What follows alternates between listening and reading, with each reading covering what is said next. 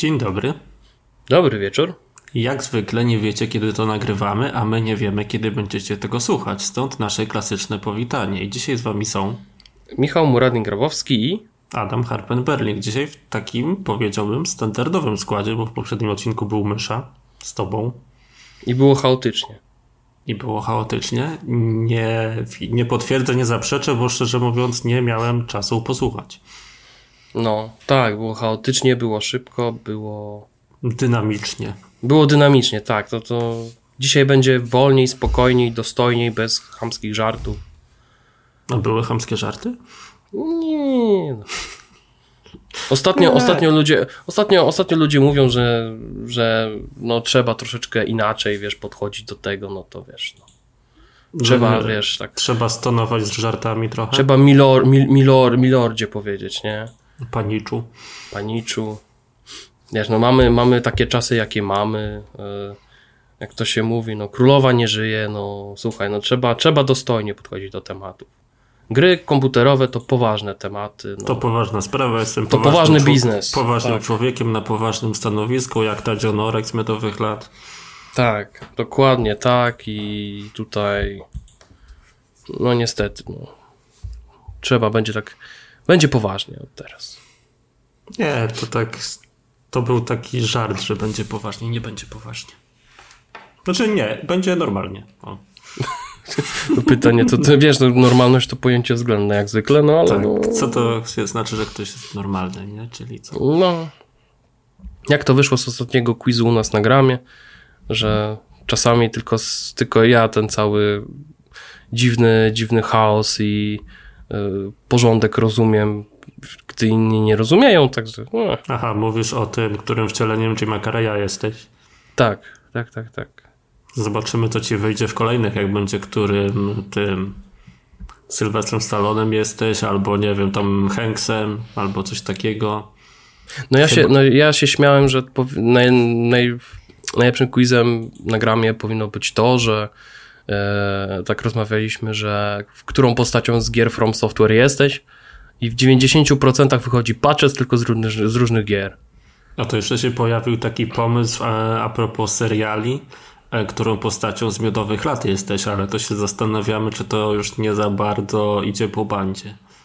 W sumie to zawsze też można zrobić z The Office, ale to z The Office quizów, z tego co widziałem, takich właśnie, że którym bohaterem jesteś, było już tyle, że trudno jest zrobić coś, co nie z automatu nie powie ci, że na przykład o, tak wybiorę to wszystko, to będę Michaelem Scottem, nie? Tak trochę trudno tak jest znaleźć coś. No, ja myślałem o tym From Software też, żeby zrobić, ale no to też jest taki temat. Przede wszystkim wybrać pięć postaci najciekawszych. Patches. Patches, potem patches. Patches, patches. Którym I... patchesem z której części jesteś? O. Którym, którym łysym jesteś w tym, którym w tym łysym roku? jesteś w tym roku? Nie, Pomysłów jest dużo. Ludzie to lubią, bo to widać po odsłonie. No właśnie. Będziemy ten. ten no właśnie, bo, bo to jest taka jedna z tych rzeczy, które zawsze, zawsze wiesz, to jest tak samo jak, nie wiem, newsy o tym, że e, tam powiedzmy, kurde, teraz znaleźć jakiś, jakiś przykład. No nie wiem, Aha, że. Ale masz na myśli jakieś ambitne tematy, tak? Takie wiesz, dużo researchu i tak dalej. Tak, w sensie znaczy, ambitne tematy ambitnymi tematami, nie? Tam właśnie dużo research i tak dalej, ktoś przekopie cały internet, e, boom, no nie? I mało kto to przeczyta, a potem się pojawia, nie wiem, news o tym, że e, załóżmy, będzie nowy...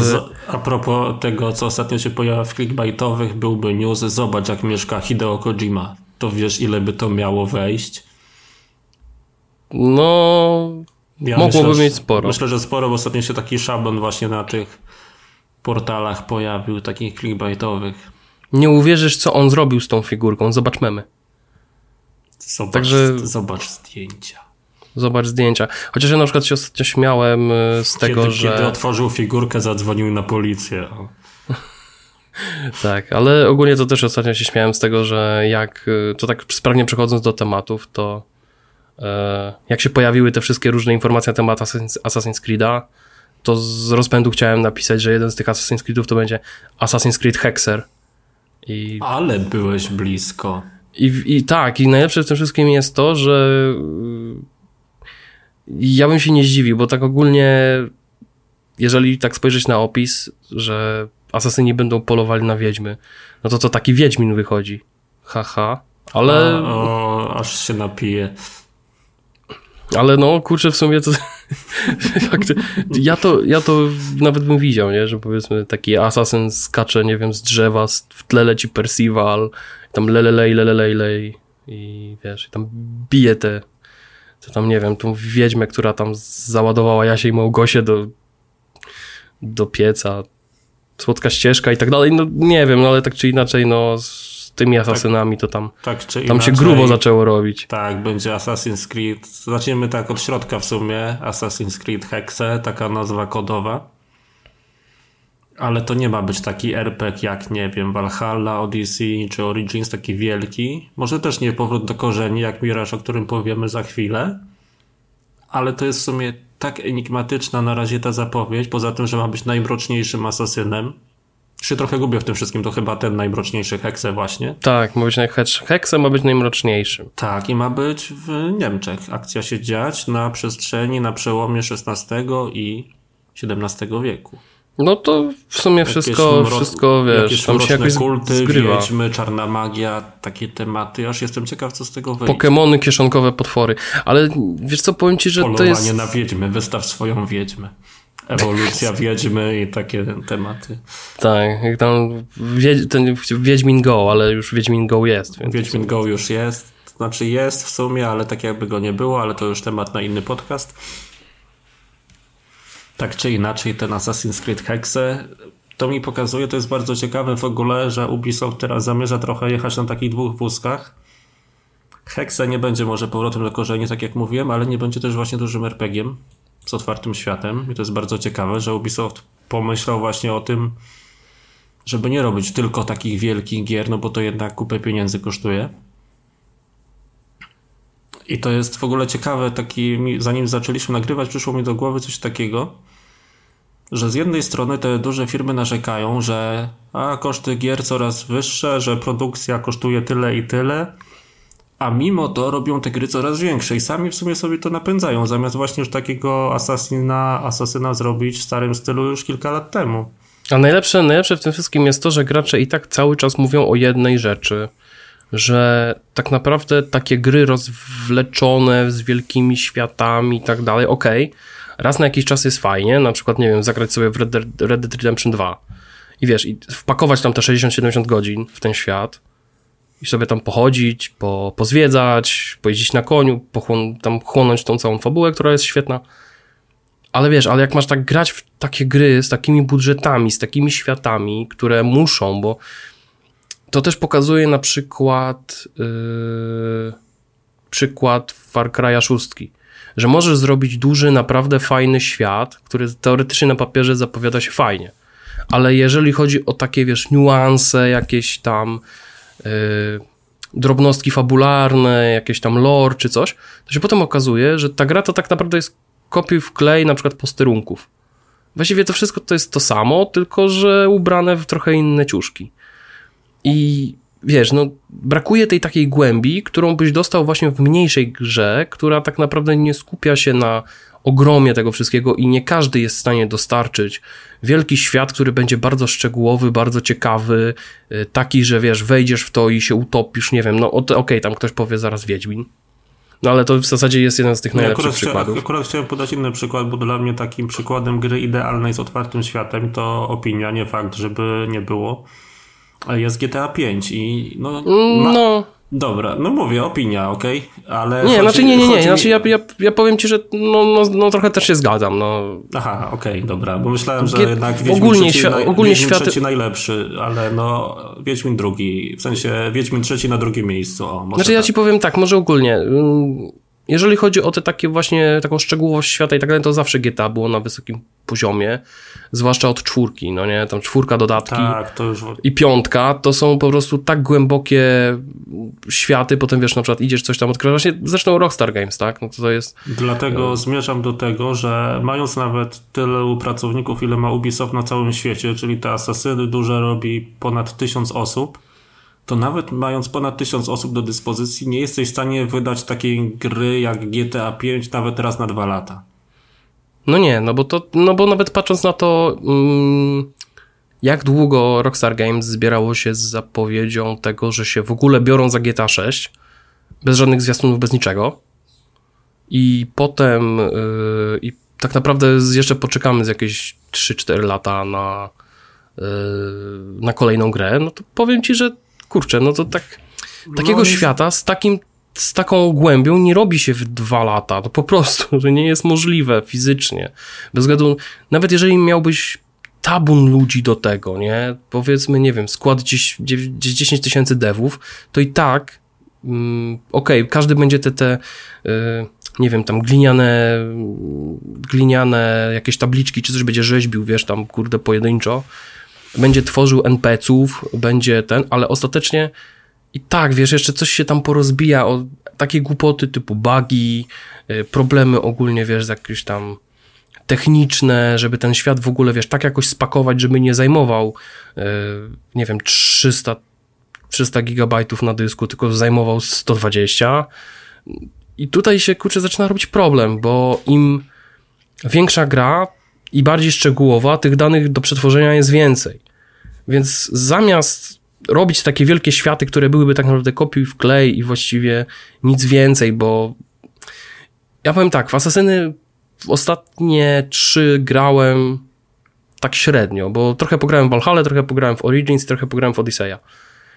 I za każdym razem miałem wrażenie jedno, że to jest to samo, tylko w innej skórce, i oczywiście tutaj zaraz ktoś może powiedzieć, ej, ale ty grasz w F1 co roku, to samo jest. Albo no, w, dobra, albo w The Division, jedynka i dwójka przecież. Tak, i jestem hipokrytą, ale wiesz, fakt faktem, no po prostu nie licząc fabuły i tak pewnych elementów, to tak, to jest właściwie to samo. To są wielkie, ogromne światy, y, które mają starczyć na bardzo długo i mają być samograjami z DLC do, do, do, do tego, do doładowania, nie? Więc ja na przykład, ja na przykład się trochę cieszę z tego, że na przykład taki Mirage będzie krótszy i tam chyba mówili o tym, że to ma być chyba do 20 godzin max. Tak, coś w stylu Syndicate Unity właśnie 15-20 godzin, bez otwartego świata, bez takich rozbudowanych elementów RPG. Akurat to Syndicate mi przyszło do głowy teraz, bo jest darmowy miesiąc na PC z Ubisoft Plus, czy z Uplay Plus, no mniejsza o to i postanowiłem sobie nadrobić te części, w które w ogóle nie grałem, czyli właśnie Syndicate i Unity sobie pobrałem, bo te poprzednie, czy tam późniejsze albo skończyłem, jakby, jak chociażby Odyseję, czy tam pierwszą część, dwójkę i tak dalej, ale są właśnie takie, których w ogóle no, widziałem tylko jakieś screeny czy filmiki, nie miałem okazji tam się pobawić i patrzę sobie na to Syndicate, myślę o Mirażu i wydaje mi się, że to jest właśnie dobry kierunek, znaczy będą takie dwa rodzaje asasynów, każdy znajdzie coś dla siebie. Ale z drugiej strony myślę też o tym Syndicate, patrzę sobie na tą mapkę Londynu i wydaje mi się, że to, co Ubisoft potem zrobił w Origins, w Odyssey i w Valhalla, to taka naturalna ewolucja tej serii. Bo to w sumie jest to samo, tylko z dużo większym rozmachem, no i niestety z dużo bardziej taką zapętloną rozgrywką, dużą liczbą takich, no powiedziałbym brzydko, zapychaczy. No w sumie to tak przy okazji jeszcze mówiąc o tym Ubisoft Plus, to też sobie ostatnio sprawdziłem jaką ma bibliotekę. No tych gier jest trochę, można powiedzieć. Ja sam jak zobaczyłem Heroes 5, to mi się oczy zaświeciły. No bo... właśnie, dosłownie to miałem powiedzieć. Tak, bo ja, y, znaczy ja jestem akurat z tych y, dziwnych ludzi, którzy o ile dużo godzin przegrali w Heroes 3, to y, jednak Heroes 5 ubóstwiają wręcz nie wiem, czy to nie była kwestia. Tutaj znowu to jest ten sam temat, jaki był przy okazji The Elder Scrolls Oblivion. Że nie wiem, czy to było zachłyśnięcie się nową grafiką, zachłyśnięcie się e, jakimś tam takim, wiesz, jakąś przyszłością, tak, gier, że te gry będą bardziej w 3D i tak dalej, i tak dalej, ale powiem zupełnie serio, że tak, czwórka mi nie podeszła totalnie, trójka mi się podobała, ale piątka mnie pochłonęła, a już potem to już były ten, tylko muszę właśnie sprawdzić, czy te Heroes 5 to jest z tymi, jak to się nazywa, z dodatkami, czy bez. Szczerze Ale mówiąc. To, co mówisz, że nie do końca wiesz, co ci się w tych Heroesach tak spodobało, czy grafika właśnie, czy coś innego, o co chodzi, to mi przypomina sytuację, mam takiego kolegę, który, y, no, zresztą wiele osób tak i to nie jest żaden tam, po prostu stwierdzam fakt, że bardzo dużo ludzi czeka na obniżki cen gier. Nie ma w tym nic złego, dziwnego i tak dalej, każdy ma różny budżet, ale zmierzam do tego, że bardzo ważne jest to, w jakim momencie z daną grą się obcuje, tak? Bo jakbym Syndicate sobie przeszedł tam, to chyba wychodziło w 2014 czy 2015 roku, przed tymi dużymi RPGami, to na pewno podobałoby mi się dużo bardziej niż teraz mi się podoba, bo mi się podoba, powiedziałbym tak, no dobrze się bawię, takie 5-6 na 10. Widać tam już te archaizmy i tak dalej. Więc fajnie jest ogrywać gry na premierę albo niedługo po. Nie wiem w jakiej kolejności w Heroesy grałeś, czy najpierw w piątkę, a potem w trójkę właśnie, czy na odwrót. Wiesz co, jeżeli chodzi o Heroesy, to ja tak naprawdę grałem jeżeli chodzi o pierwszą grę na PC, to grałem w jedynkę.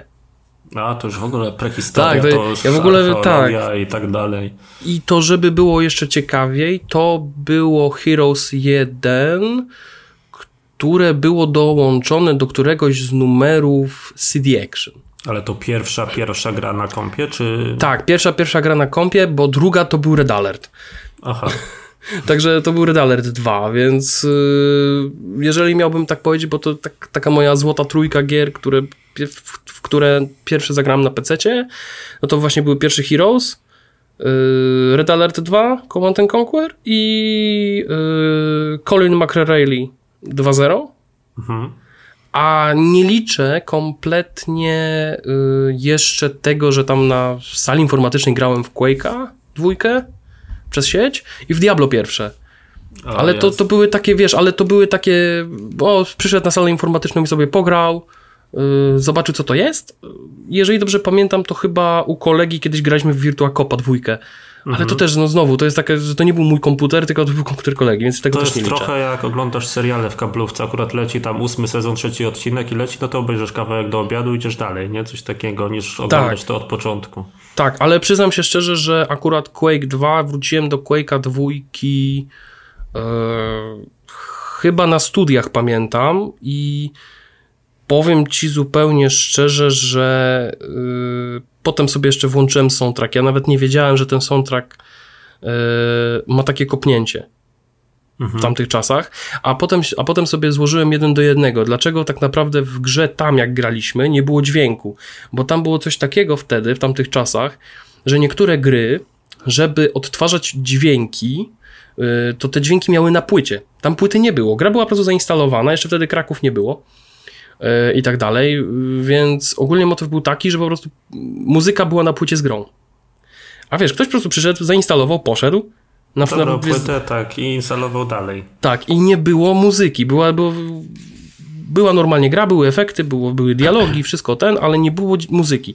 Dopiero potem, jak zagrałem w dwójkę z muzyką, wie, ale to jest zajebiaszcze, nie? I dopiero potem właśnie odkryłem tak naprawdę, czym się ludzie ekscytowali w temacie, czy to tam Quake'a dwójki, czy to w Quake'a jedynki, jak tam był Nine Inch Nails. Więc no, tak, to, to, to było takie poznanie czegoś nowego. No ale to już takie nostalgiczne tematy nam weszły tutaj. Tak, już tak, zobaczyliśmy, a wracając do Assassin's Creed'a jeszcze, bo ogólnie... Znaczy, wiesz co, o... jeszcze jedną rzecz powiem, tutaj taka jedna ciekawostka, bo też jedna rzecz, która mnie zaskoczyła w, w Ubisoft Plusie, to jest to, że jeżeli ktoś tęskni za dawnymi czasami i chciałby sobie zagrać w serię Brothers in Arms, a tak, jest, są te To jest cała trylogia, tak, jest cała trylogia dostępna na Uplay, znaczy na tym, na Ubisoft Plus, No więc... właśnie, czy bo jak ciebie znam, masz to przed oczami teraz pewnie. Tak, tak mam przed oczami właśnie. Jest, jest driver San Francisco? Nie ma. Tak, też, też myślałem, że jest, ale nie ma. Znaczy ja mam na płycie, którą mógłbym sprzedać za gruby hajs, ale tego nie zrobię. Bo mam Już nie. Już nie? Już nie, bo powiem ci, że ja na przykład swoją kopię Driver San Francisco kupiłem na Xboxa 360 za 40 zł. E. Więc teraz, jeżeli ktoś by chciał sobie zagrać, ja, może inaczej, jeżeli ktoś by na przykład chciał kupić wersję PC-ową, nie odfoliowaną. Nie, to, wiesz, już taki... są, to już są drogie rzeczy, proszę pana. Tak, no kolekcjonerka pewnie też by chodziła dość dużo, nie? Strzelam na 100%, natomiast jeśli chodzi o, o wersję konsolową, to jeżeli na przykład ktoś tam ma Xbox X tego Series X, to spokojnie może sobie zagrać w drivera San Francisco i nawet wygląda całkiem fajnie. Muszę no, przyznać. Ta gra ma 11 po latach się broni. Ale no to już z tych czasów, co technologia była tak może nie mocno zaawansowana, Ale jednak na tym Xboxie 360 gry już tak wyglądały dość solidnie, więc no Ale wiesz co, ale też jest taka jedna rzecz, która też pokazuje po prostu jak niektóre gry się zestarzały, bo przykładowo e, strasznie zestarzał się Medal of Honor Airborne. Bo próbowałem sobie zagrać kiedyś z Game Passa. to właśnie, żeby sobie odpalić, bo to jest w Game Passie, w to- Play.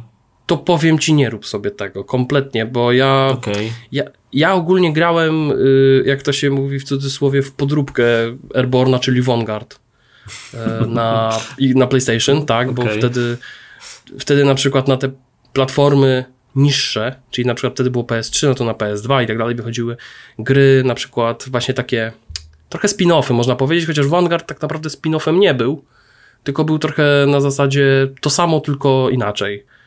Bo też był ten efekt z tym, że wyskakiwało się z samolotu, wiesz, były różne miejsca, w których się zaczynało, wykonywało się misje. Ogólnie całość była taka sama, tylko troszeczkę inaczej ubrana. Inny budżet, inna platforma, więc Tak, ale ogólnie to Vanguard mi się podobał. Natomiast no Airborne na Xboxie normalnie jak zobaczyłem tą grafikę, to mi normalnie oczy zakrwawiły. Totalnie. zobaczę po nagraniu na YouTubie, jak to wygląda. No wygląda jak kasztan, ale no kto co lubi, nie? Niektóre gry tak mają, że szybko niestety, mimo że Tak. i driver przecież też 3D. No ale wracając do tego Asasyna, bo tam mówiliśmy o tym Asasynie. Tak, wracając do Asasyna, jeszcze taka a propos, będziemy o Asasynie, Assassin's Creed Mirage mówić, ale jeszcze przed y, samym Ubi Forward y, pojawiły się takie zajawki wideo i tam pojawiała się taka postać w białym stroju i z tego względu były plotki, że będzie remake pierwszej części. No i No, niestety, było, no. tak, no a się okazało, że to po prostu jest jakaś postać z tego Mirage i Ubisoft po prezentacji, tam chyba dzień później zdementował, że nie zamierza odświeżać pierwszej odsłony. Chociaż patrząc na to, że robi remake pierwszego Splinter Cella, to wydaje mi się, że tak prędzej czy później ten Assassin's Creed pierwszy, no jakiegoś tam odświeżenia się doczeka. Znaczy ja się zastanawiam, czy po tym jak wypadło Ezio Collection, yy, w sensie dwójka, w sensie ten taki, chociaż to był remake niby, nie? Nie, to, był remaster. To był remaster? Wiesz, tak, taki remaster prosty. No tam Bardziej- momentami to to wyglądało trochę jak remake, jak tam prze, przemodelowali postacie, no ale dobra, nieważne. Yy, to powiem ci, że może to i lepiej. Nie wiem, ja, Znaczy- ja wychodzę z takiego założenia, że przerabianie jedynki Jeżeli mieliby ją odświeżać właśnie, to żaden remaster tutaj, no mm, nie Wiesz co, sensu. tylko że ja mam takie wrażenie, że wiesz co, jeżeli oni by chcieli zrobić remake jedynki, to patrząc na to, jak ona strukturalnie wyglądała wtedy, A to tak, to też prawda, że ten gameplay tam taki to ten gameplay będzie strasznie dziwny. dziwny właśnie i taki, no ta gra będzie nudna dzisiaj bardzo. Mhm. Ale wiesz co, z drugiej strony może, wiesz, może to nawet lepiej, że ona będzie taka, jak to się mówi, wiesz, prosto do celu, nie?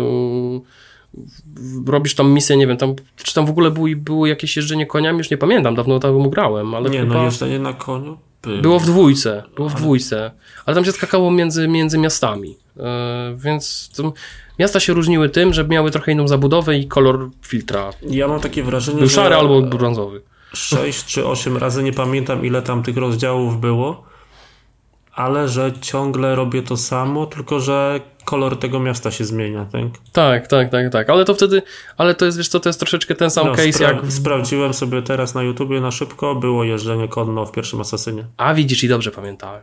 Ale to powiem ci, że to pierwsze, co mi się kojarzy w temacie, w temacie zmiany filtra i tak dalej, to jest to, jak w Breaking Bad, e, wiesz, masz, jesteś w Ameryce, jest normalnie, jesteś w Meksyku, jest pomarańczowo. także, także ogólnie, no, z tym Asasynem to jest, kurczę, tak, że właściwie, patrząc na to Ubi Forward w tym roku, to mam takie wrażenie, że, znaczy to chyba było drugie w ogóle Ubi Forward w tym roku. Chyba tak.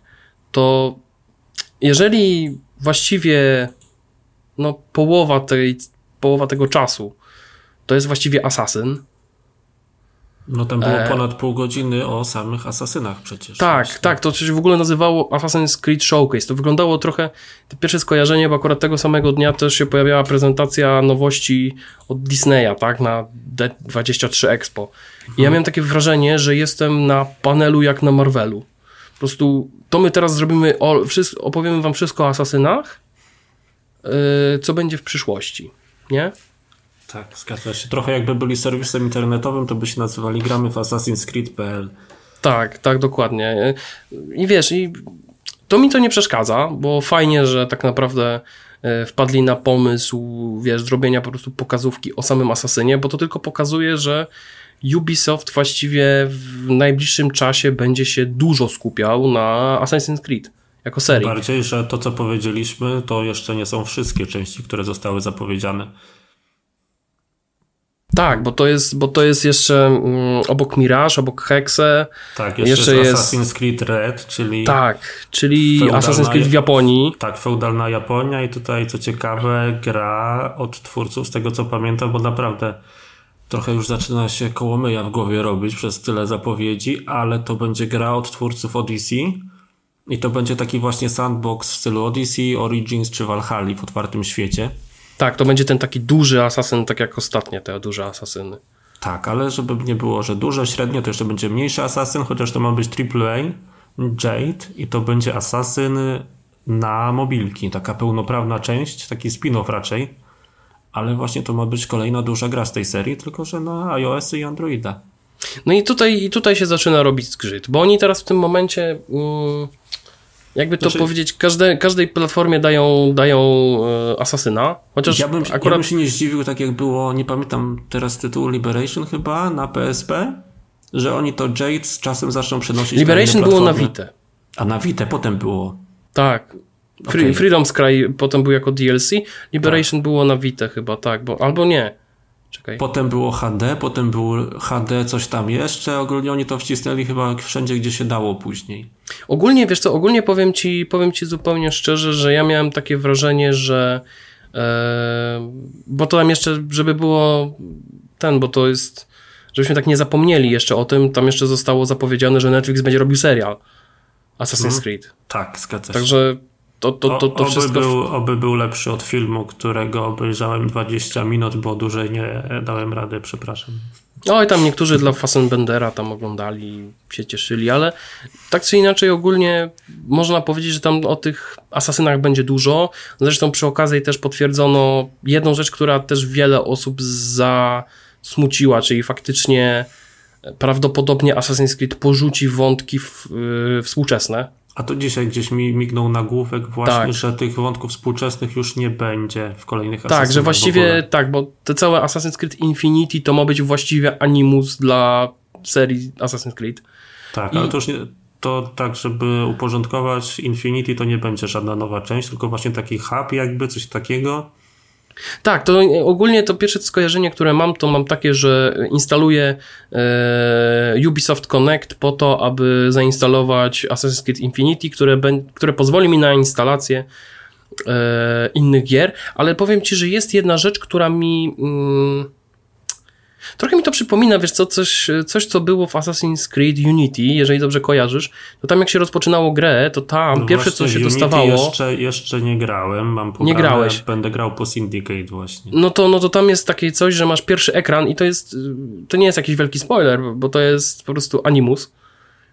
I motyw jest taki, że tam masz ileś tam cegiełek i tam widać po prostu różnych bohaterów z różnych części Asasyna mhm. i nie możesz ich kliknąć, no bo nie masz tych gier. Yy, możesz tylko kliknąć Unity, tak, że tam powiedzmy fabuła Unity, czy tam yy, ten bohater, który tam jest na początku, nie pamiętam który, ale wiesz, no, no masz tam Ezio, masz tak dalej, nie, możesz sobie, możesz sobie tam, wiesz, i pierwsze skojarzenie, które miałem, jak oni zapowiadali to Assassin's Creed Infinity, to właśnie było to, że powiedzmy instalujesz sobie pakiet, nie wiem, załóżmy Assassin's Creed 2 z dodatkami, no i ci się pojawia powiedzmy kafelek, przeżyj historię tam Ezio Auditore da Firenze. I tak dalej, Tylko, i tak dalej. pojawiły się w związku z tym obawy takie, że te wszystkie starsze części Asasynów zostaną wycofane z cyfrowej dystrybucji i będą właśnie dostępne tylko przez Infinity w takiej cenie, no być może trochę zaporowej, bo te starsze części można kupić sobie dzisiaj za grosze. No to będzie trochę dziwny ruch. W sensie znaczy, to nie, nie jest żaden, się. To żadna plotka, nic takiego, po prostu ludzie tak w komentarzach piszą. Znaczy ja myślę, ja myślę, ja myślę, że tutaj bardziej po prostu wiesz, oni chcą to spiąć w jedno, ale to jest znowu wracamy do tego, o czym mówiłem, czyli znowu by wyszła z tego kolejna platforma do grania w grę.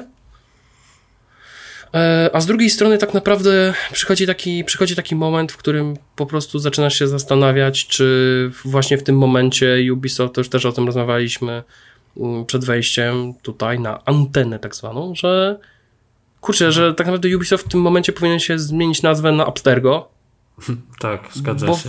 bo faktycznie no widać po prostu, że Ubisoft mocno się skupia na Assassin's Creedzie i że to jest tak naprawdę wózek ciągnący to całe przedsięwzięcie zwane Ubisoftem, bo mm, tak jak już powiedziałem wcześniej, oglądając ten Assassin's Creed Showcase miałem wrażenie, że oglądam po prostu prezentację nowych światów Marvelu.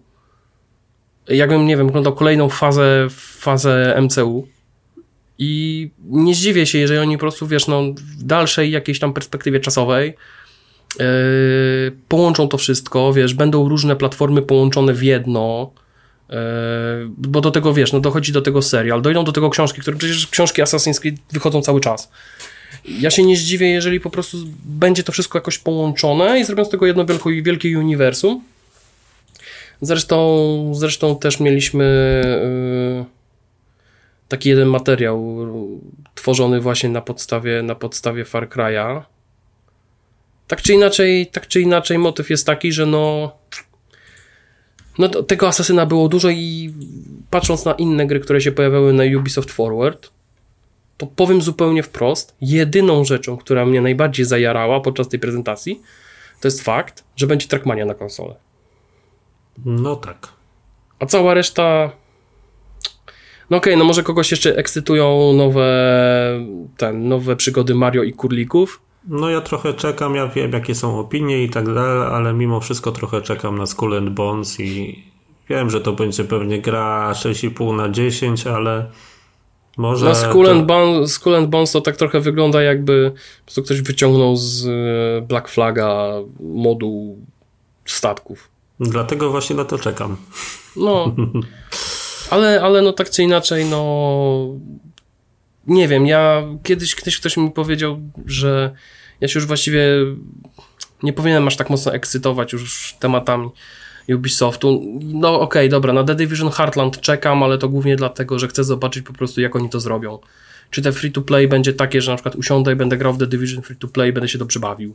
Bo jeżeli to będzie po prostu dalej, znowu wracamy do tematu cash, cash graba takiego, który ma być po prostu e, chamskim sposobem na monetyzację. No tak, czy pan Ubisoft nie powie daj pieniążek, no bo... No, to przyznam się zupełnie szczerze, że no, od tego wiele zależy.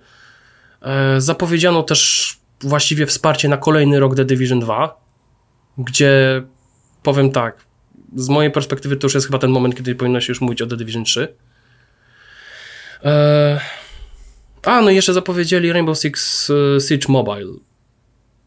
I też nie jestem w stanie sobie wyobrazić tego, jak można grać w tak precyzyjną grę jak Siege, gdzie ludzie strzelają do ciebie przez dziurkę od klucza z odległości kilkuset metrów. No może przesadzam z odległościami, ale naprawdę niektóre zgony, które oberwałem, tam kiedyś ktoś mi strzelił, nie wiem, w, w małego palca prawej stopy, bo mnie zobaczył przez jakąś tam dziurkę w ścianie z pistoletu 9 mm.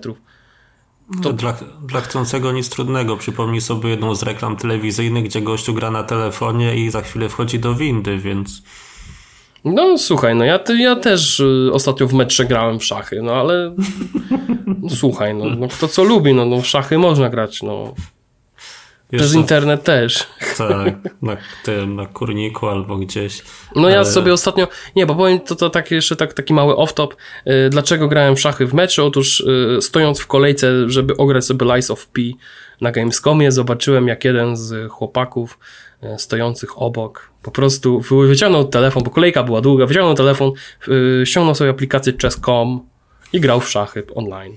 I się zainspirowałem, bo doszedłem do wniosku, że a po co mam 3, 30 minut stać bezczynnie w metrze, jak mogę sobie zagrać trzy partie w szachy. No pewnie. I w zasadzie to jest bardzo dobre. Polecam, chociaż, bo aplikacja jest naprawdę fajna. Chociaż czasem są takie gry, że lepiej niż grać, to w okno popatrzeć, ale to jest inny No w temat. metrze w szczególności. Nawet w metrze, no naprawdę, uwierz. Są takie ciekawe gry, że lepiej popatrzeć przez okno w metrze. Tak, ale o, jeszcze jedna rzecz właśnie przy okazji, którą mi się przypomniała e, w temacie Ubi Forward, to jest to, że dobra wiadomość, Valiant Hearts powstaje, w sensie Valiant Hearts Aha, 2. Tak Tak. Zła wiadomość na mobilki. Na, nie na mobilki, dla Netflixa. Dla, tak, ale to jest Netflix Games, ale to jest nadal mobile. No tak, no tak. Więc no, no to, to w sumie są dwie złe wiadomości. No. Jeszcze mi się jedna rzecz przypomniała a propos Assassin's Creed'a, bo nie powiedzieliśmy i zapowiedzi, że ogłoszono ostatnie DLC do Valhalla. Tak, które będzie darmowe. Tak. I Ubisoft tym sposobem zamknie temat, co jest też ciekawe, że mówiąc brzydko, tłukł tę grę przez dwa lata od premiery. Mhm. Ale to też właśnie pokazuje to, co mówiliśmy wcześniej o tych budżetach, że bardziej opłaca się zrobić jedną grę, potem bardzo duże DLC do niej, 40-godzinne przecież było do Valhalla, niż co roku wydawać zupełnie nową część, tak jak kiedyś było. No a tutaj wiesz, no a tutaj patrząc na to, mm, jakie plany przedstawił Ubisoft na kolejne lata dla Asasyna, to ja mam takie wrażenie, że oni w jakiś tam sposób chcą przyspieszyć, bo okej, okay, duże gry to duże gry, one okej, okay, dalej będą się pojawiać tam powiedzmy co 2-3 lata, ale od tych mniejszych gier będzie więcej. Więc yy, no, można powiedzieć, że troszeczkę przyspieszają, mam wrażenie, w temacie. Oni... Bo kiedyś tych, kiedyś tych tematów asasyńskich też było trochę więcej, no bo wcześniej też się pojawiło przykład Chronicles, e, ta podseria, tam były chyba tak, trzy części. Ja sobie tutaj patrzę na daty premier, bo mi się coś przypomniało, jak była ta cała akcja z Wiedźminem 3, który wyszedł w 2015 i pojawiły mhm. się, nie wiem czy to były newsy, czy tylko plotki, że Ubisoft robił nową część Asasyna i wróciła ona do preprodukcji i potem dostaliśmy Origins, które wyszło w 2017. Mhm. Ciekawe jest to, że jak wychodziło Origins, to oni Odyseję już mieli gotową. No, tak jakoś wyszło. Tak się rozpędzili, kurczę. Tak się po... rozpędzili, że dwa, dwa światy takie wielkie załadowali, nie? A dwa lata później wyszła Valhalla, więc nie ma cudów i tak jak mówiłeś, no to w pewnym sensie jest to samo, tylko w innej skórce, tak? Tak, więc oni będą po prostu robić coś takiego, że duże zespoły będą pracowały nad dużymi asasynami, a w międzyczasie, jak to się mówi, e, no niestety próżni być nie może i będą się pojawiać samo, mniejsze asasyny. To City Projekt zaczyna robić, a to Gwint, a to Wiedźmińskie opowieści, a to serial teraz. Cały tak, czas takie tak, zainteresowanie tak, tak. marką musi być. Przecież TLC do Cyberpunka ogłosili właśnie niedawno i tutaj właśnie ładnie, tutaj mamy, znaleźliśmy fajny segway, wchodzimy w temat cyberpunka. Znaczy ja, ja powiem tak, ja się cieszę z tego, że ten e, dodatek Phantom Liberty się pojawił. Wreszcie, w sensie, że on istnieje i będzie w 2023, kiedy to nie wiadomo.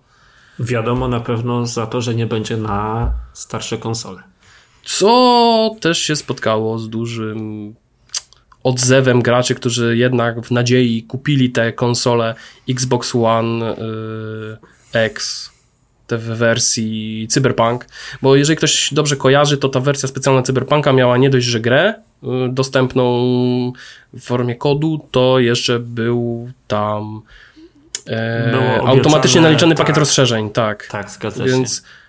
jeżeli ktoś sobie kupił tą wersję, konsoli, to może się spodziewać niedługo, że jego konto Microsoft Store zostanie wzbogacone o jakąś tam sumę pieniędzy. Strzelam, że to będzie pewnie jakieś 160 zł.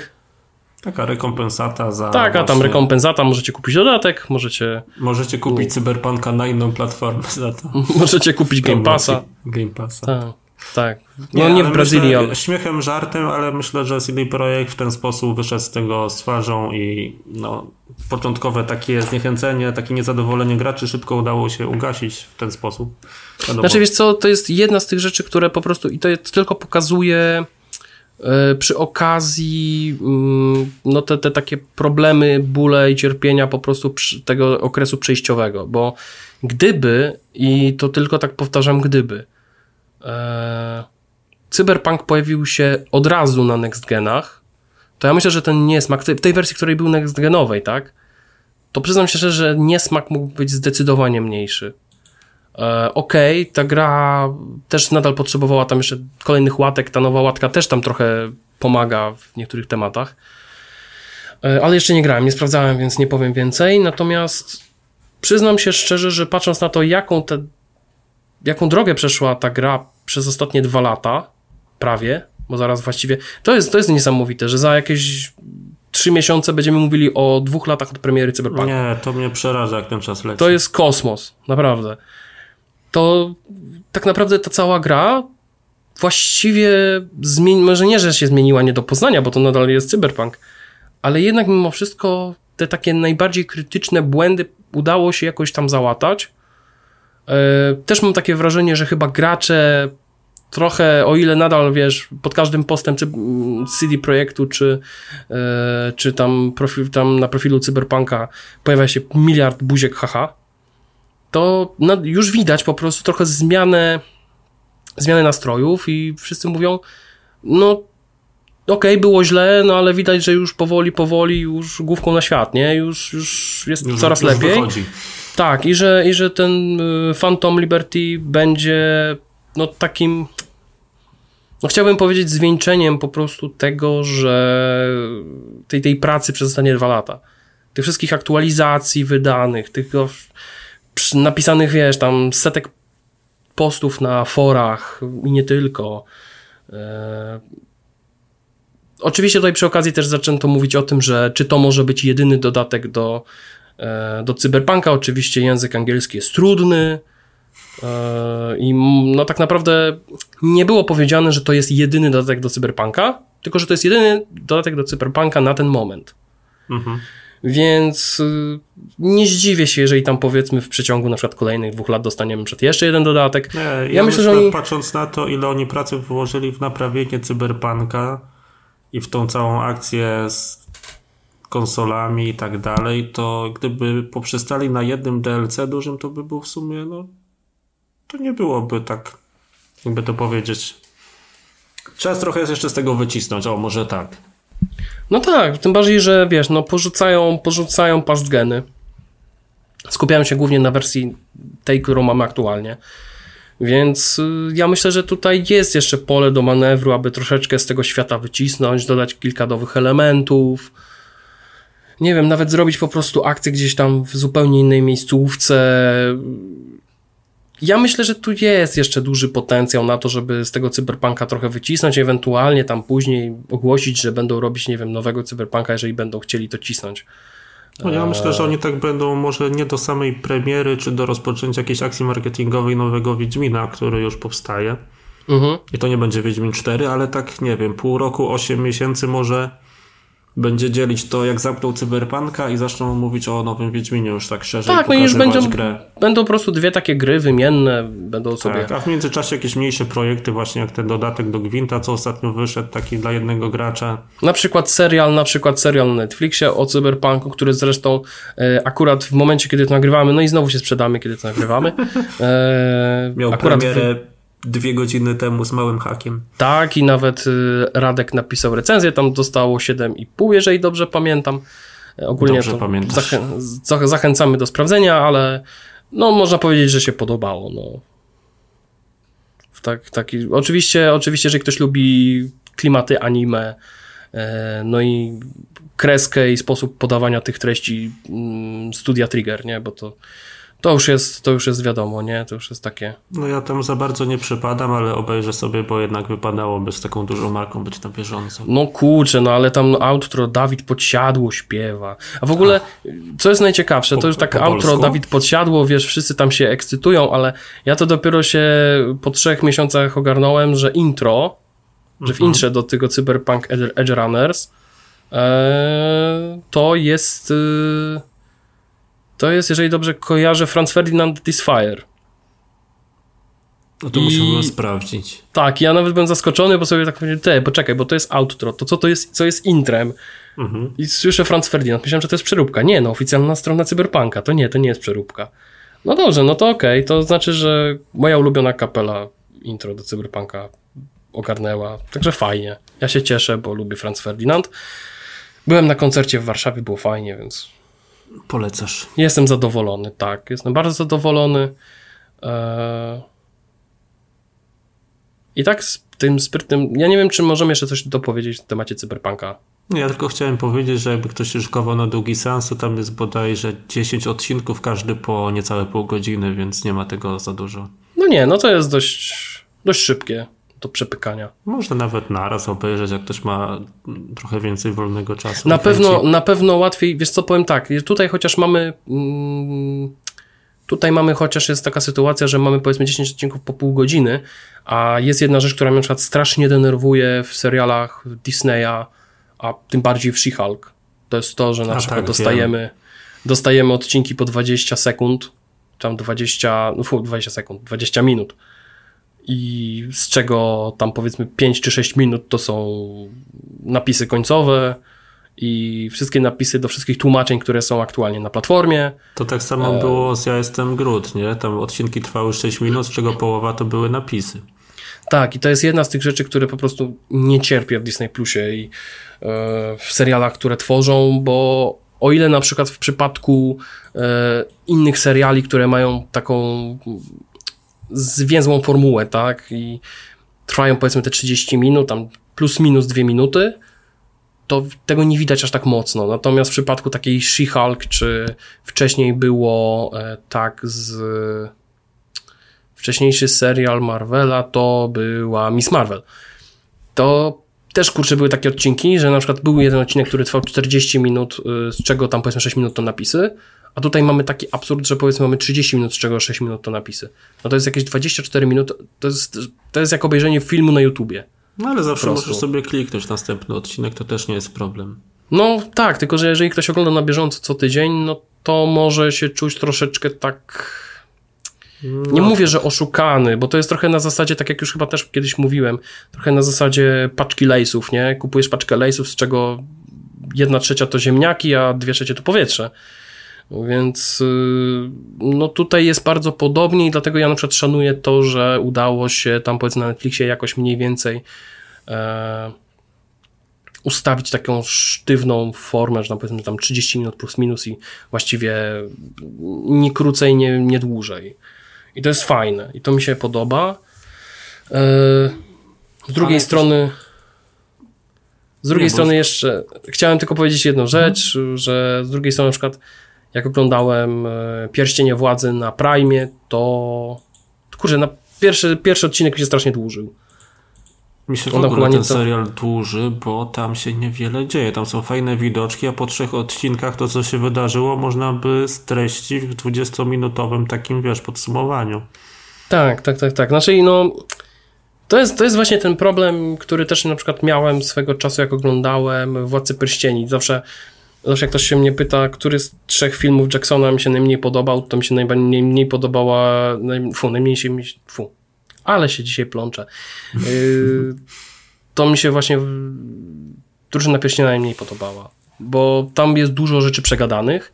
Okej, jest jakaś akcja, ale właśnie takie tutaj przegadane, tutaj widoczki, tutaj są w tunelu, e, tu, o, tutaj się coś dzieje, jakaś walka, tutaj się pojawia Balrog, nie? I tak dalej. Jak są takie rozwleczone fragmenty, czy to w książkach, właśnie w serialach, czy filmach nawet, to ja to lubię na takiej zasadzie, że mam nadzieję, że potem do czegoś to prowadzi, także to zbuduje świat, postacie i tak dalej.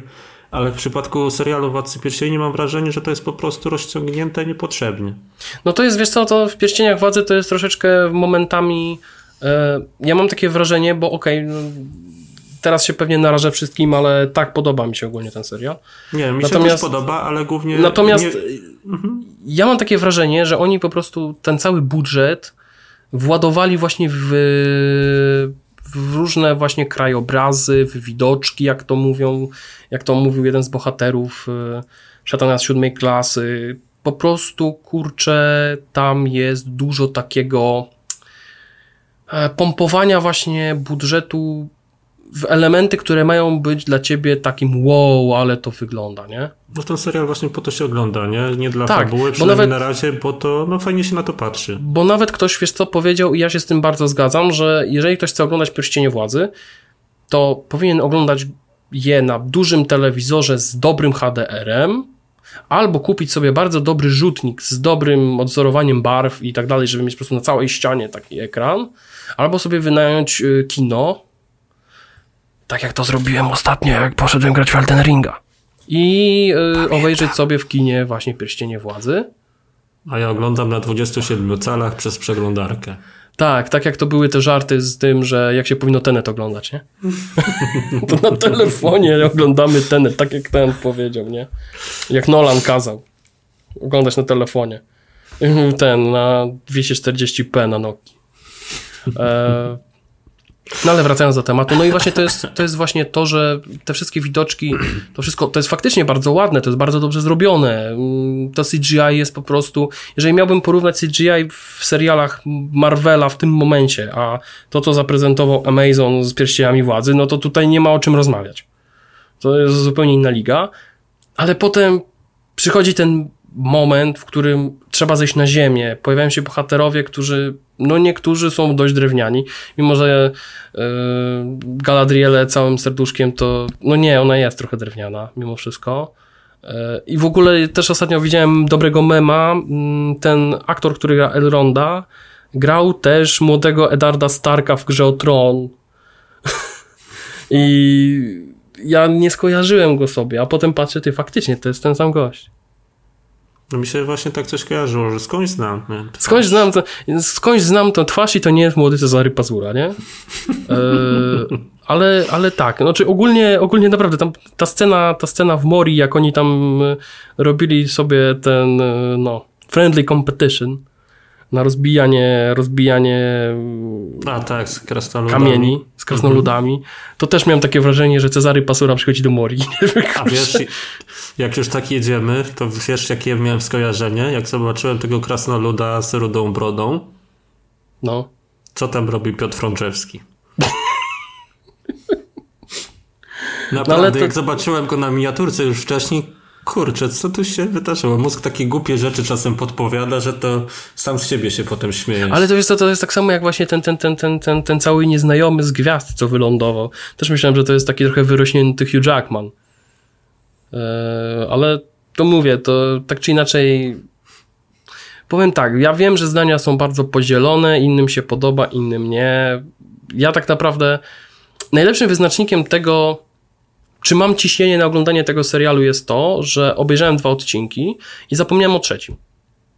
No to Z tak. jednej, z jednej strony dlatego, że po prostu nie miałem czasu usiąść po prostu na, na godzinę, po prostu przykuć się do ekranu i oglądać, bo mimo wszystko jednak trzeba to z jakimś tam skupieniem większym oglądać niż She-Hulk, która tam twerkuje z Megan Thee Stallion, ale yy, ogólnie rzecz ujmując po prostu pomyślałem sobie, że dobra, tak już sobie teraz odpuściłem, to zobaczymy, jak będę miał czas w następnym tygodniu i sobie po prostu obejrzę albo dwa odcinki, albo obejrzę sobie dopiero wszystko za jednym zamachem. No ja chcę zrobić tak, żeby sobie to na takie segmenty tam po trzy odcinki podzielić.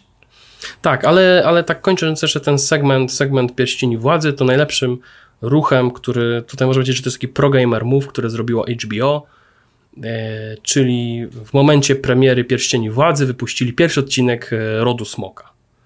To, za darmo, i to, na i, za darmo na YouTubie. I powiem zupełnie wprost, że to było po prostu. No to był piękny ruch ze strony HBO. A przy okazji też y, pokazuje, że są bardzo pewni siebie, bo najlepsze przede wszystkim jest to, że mm, przed premierą Rodu Smoka było bardzo dużo negatywnych emocji. Mam wrażenie, że nawet chyba za dużo. Zresztą, no ale to można do wszystkich seriali to jakoś tam dopowiedzieć tam przy dużych fandomach. Natomiast potem, jak się pojawił, pojawi, pojawił się pierwszy odcinek i kolejne, to zauważyłem, że te mm, nastroje są wręcz aż bardzo pozytywne. E, Okej, tam są pewne, pewne jakieś tam jednostki, które mówią, że nie, że, że, że nie do końca fajne, No, ale że ogólnie wszyscy sobie... taki znajdzie. Tak, że ale ogólnie wszystkim się podoba i to bardziej. Mam wrażenie, że chyba w przypadku rodu smoka chyba wszyscy są e, bardziej wyrozumiali niż, niż w przypadku e, pierścieni władzy, co mówię, z jednej strony może trochę być zrozumiałe, z drugiej strony. A, więcej nic nie będę mówił. Natomiast. ja, mam, ja mam e, takie wrażenie a propos tych dwóch seriali, że właśnie Pierścienie Władzy ogląda się dla widoczków, żeby tam fajnie było, miło, ale Gra o Tron, Ród Smoka, przepraszam, ma fabułę. Nie no, tak? w sumie dobrze powiedziałeś, gra o tron rod smoka. No. ale to... Gra o Tron to już była, tak? I się skończyła tak, jak pamiętamy. No. no, skończyła się tak. Albo się nie skończyła, jeśli ktoś mówi o książkach, więc... No właśnie, kiedy, no już ten, no, chyba, że o czymś nie wiemy i Martin właśnie e, pisze tam scenariusz i świat do Elden Ring 2, albo do dodatków. Albo do DLC, które miało być zapowiedziane, znaczy miało być, mieliśmy nadzieję, że będzie zapowiedziane na Gamescomie. O nie, a to powiem ci, to powiem ci jedną rzecz i to jest najsmutniejsza rzecz, która, o której nie, chyba nawet nie powiedziałem w trakcie, w trakcie ostatniego odcinka, bo bardzo szybko szliśmy punkt po punkcie. Mysza był... Jak, jak w szkole. Jak w szkole. 45 minut trzeba zdążyć wszystko i jeszcze drugą wojnę światową zjeść. I jeszcze e... przeczytać ten, sprawdzić obecność. Tak, i proszę na następny tydzień przeczytać y, nad Niemnem. E... No ale tak wracając, y, właśnie ta prezentacja Bandai Namco była e... chyba była najbardziej rozczarowującą prezentacją, jaką widziałem na Gamescomie. I to nie dlatego, że nie było na niej gier, bo w rzeczywistości to były i było bardzo dużo gier takich dla fanów yy, gier, które są bazowane na światach z anime, tak? Czy na Dragon Ballu, na Naruto, jakieś One Piece, tak? Jeżeli ktoś lubi tego typu gry, to wiadomo. Natomiast jeżeli chodzi o takie tytuły, które tam wcześniej kiedyś były jakoś tam zajawiane, czyli na przykład, nie wiem, Tekken 8, który tam już trochę był zajawiony, yy, Code Vein 2, o którym coś tam, jakieś plotki były, DLC do Elden Ringa, którym pewnie Harpen by się zajarał tak mocno, że, że byłoby jak widać w Warszawie dym. Dark, jak Smelter Demo z Dark Souls 2. Tak. To tak naprawdę nic z tego nie było. Nic totalnie. I ja mam takie wrażenie, że wszyscy ci, którzy przyszli na, to, na ten keynote yy, Bandai Namco, to byli tak samo rozczarowani i całe szczęście, że tam była ta gra mm, o o tworzeniu parków rozrywki. Już teraz nie pamiętam, jak ona się nazywała. Ale motyw był taki, że w tej grze bardzo fajne było to, że jest bardzo dużo elementów, które możesz sam sobie dostosować. Jest bardzo duża swoboda w tworzeniu. A, Park Beyond. O, to się tak nazywało. Okay. I ogólnie podoba mi się, że to jest to samo, co byś grał przed w Roller Coaster Tycoon czy w innych tego typu grach, tylko bardziej. Mhm. I to mi się podoba, bo na przykład tworzenie własnej kolejki jest naprawdę świetne. Yy, wiesz, tworzenie jakieś tam, nie wiem, że jedzie kolejka, jedzie. Yy, potem masz wyrzutnie w postaci rakiety czy czegoś i goście lecą tam powiedzmy ileś tam metrów, tam powiedzmy 400 metrów na kolejną, na kolejny etap tej kolejki, nie przez góry, nie, czy coś. To jest fajne, to mi się bardzo podoba.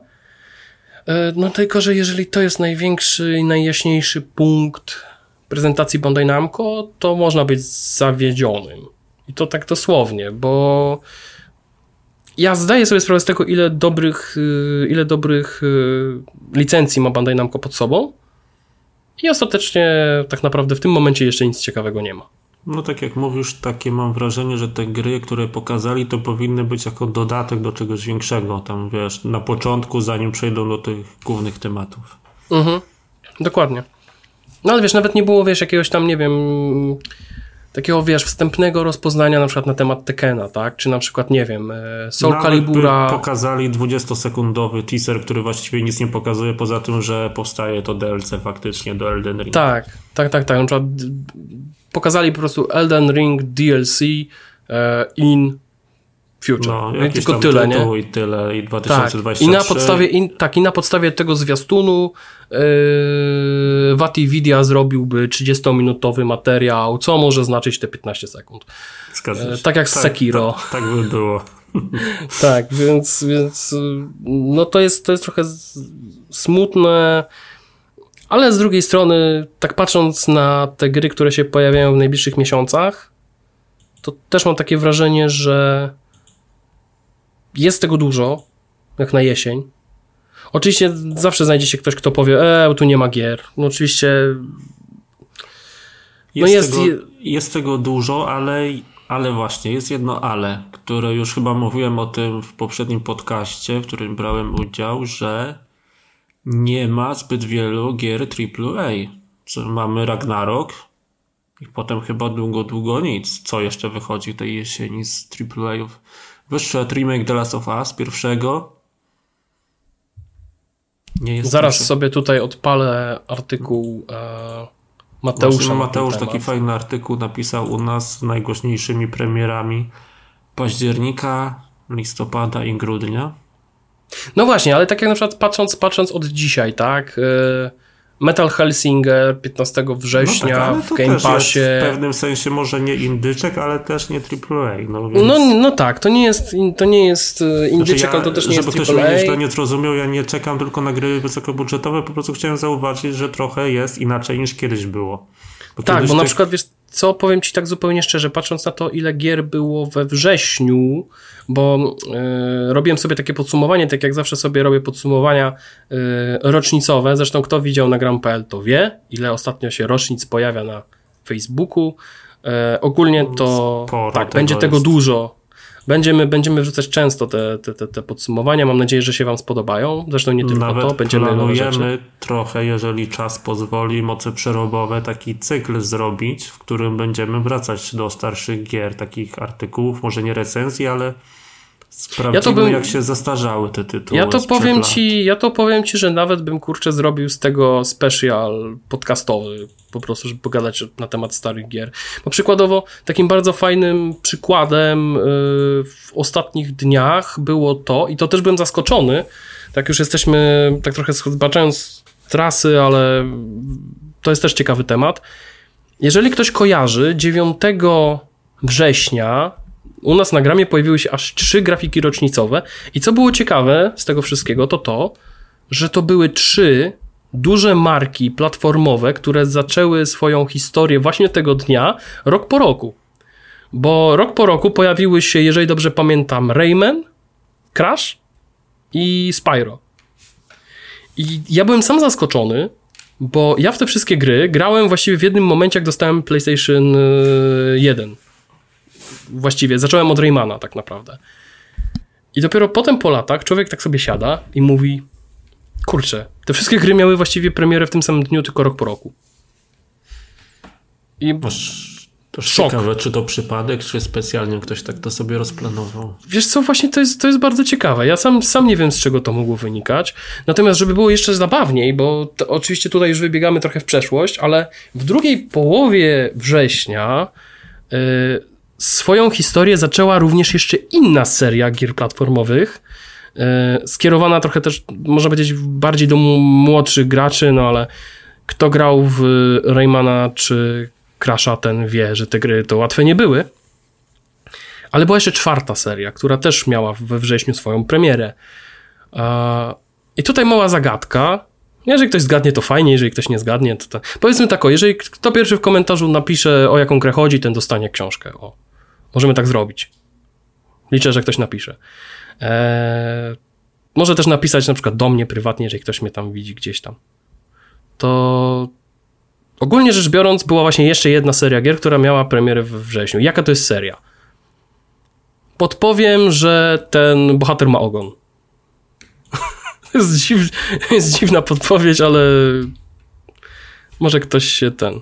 Może, kto, może ktoś trafi. Ha, właśnie Harpen mi odpisał. Napisał, napisał dobrą odpowiedź, ale on książki nie dostanie. No On nie zasłużył. ale ale to tak, ogólnie... Moja, moja gra dzieciństwa trochę. Tak, ogólnie tak czy inaczej, kto, kto pierwszy napisze w komentarzu, czy to na YouTubie, czy to y, gdzie indziej, czy na przykład do mnie napisze prywatnie, y, na ja Twitterze. Byłem na, ja byłem na miejscu zero, tak, z poprawną tak, odpowiedzią. Ja się to, nie liczę. Tak, to, to, to dostanie od nas książki jedną, dwie, trzy, zobaczymy ile będzie. Ja, ja mam dużo książek u siebie, także będziemy wysyłać. Będzie książka o Asasynie na pewno. Wracając do tych premier e, jesieni, najciekawsze jest to, że Mateusz swoje zestawienie, to w ogóle pokazuje, jak może nie lichy, ale jak dziwny będzie ten rok, ta końcówka roku, bo Mateusz swoje zestawienie zaczął od gry, która się nazywa Food Truck Simulator. No właśnie. Ja nawet która... nie wiedziałem, że taka gra powstaje.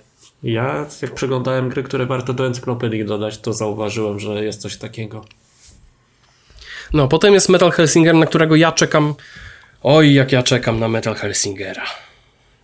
Powiem tak, zagrałem w demo, co jest ogólnie absurdalne, bo ja zagrałem w demo po tym, jak wróciłem z Gamescomu, na którym był koncert yy, właśnie yy, ekipy Two Feathers, która przy okazji e, oni też nagrywali muzykę do chociażby Aragami 2 i do kilku innych gier takich właśnie trochę mniejszych, więc jeżeli ktoś nie kojarzy ich, to może kiedyś ich słyszał. Po prostu nie słyszał ich nazwy, jeżeli chodzi o zespół. no tak czy inaczej, no ekipa Two Fetters, yy, w sensie ten zespół właśnie nagrał yy, do Metal Hellsinger kilka utworów z, yy, z legendami, można też powiedzieć, sceny metalowej, bo jeżeli się pojawia powiedzmy Matt Heafy z Trivium, pojawia się Serge Tankian z System of a Down, pojawia się Alisa z Arkenem i to no jest grubo jest grubo, a na samym koncercie też było fajnie. Ja ogólnie byłem zaskoczony tym, jak y, wokalista Refused no po prostu zaczął tak tańczyć na scenie, że ja nie wiedziałem, że do takich kawałków można tańczyć w ten sposób. Także można. E, patrząc dalej tutaj na listę, o, na przykład to jest jedna z tych gier, na które miałem wrażenie, że w mojej takiej, jak to się mówi, bańce osób, które interesują się grami komputerowymi jest głośno, ale ostatecznie o tej grze jest bardzo cicho w szerszym kontekście. Return to Monkey Island. No tak, bo to taki bardziej hołd dla klasyki, połączony z nowoczesnością. Ci, którzy grali w te starsze części, to na pewno się jarają. Ja szczerze mówiąc tak nieszczególnie, bo nigdy z tą serią nie miałem do czynienia. Więc chociaż chętnie bym nadrobił. Pytanie tylko, czy te starsze części są w jakiś sposób, tak wiesz, nie zastarzały się zbyt mocno, żeby to było dzisiaj takie przyjemne, a nie bardziej irytujące, bo pamiętam, że z wielu gier przygotowych z tamtych lat te zagadki, no jak ja to mówię, były zagadki logiczne, które były nielogiczne właśnie, niestety. Mhm. I to było trochę takie klikanie wszystkiego na wszystkim czasem, żeby rozwiązanie znaleźć.